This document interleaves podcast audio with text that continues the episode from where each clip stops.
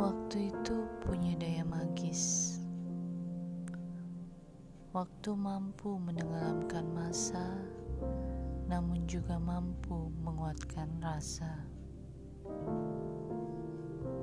Satu hal di dunia yang manusia tak punya kuasa apa-apa tentangnya.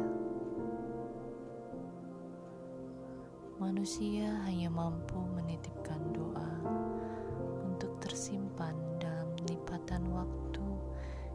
akan terbawa dalam setiap pergantian masa. Lalu waktulah jua yang akan menjadi pembukti kekekalan doa yang terus menjadi harapan akan berlanjutnya kebaikan kehidupan di semesta raya.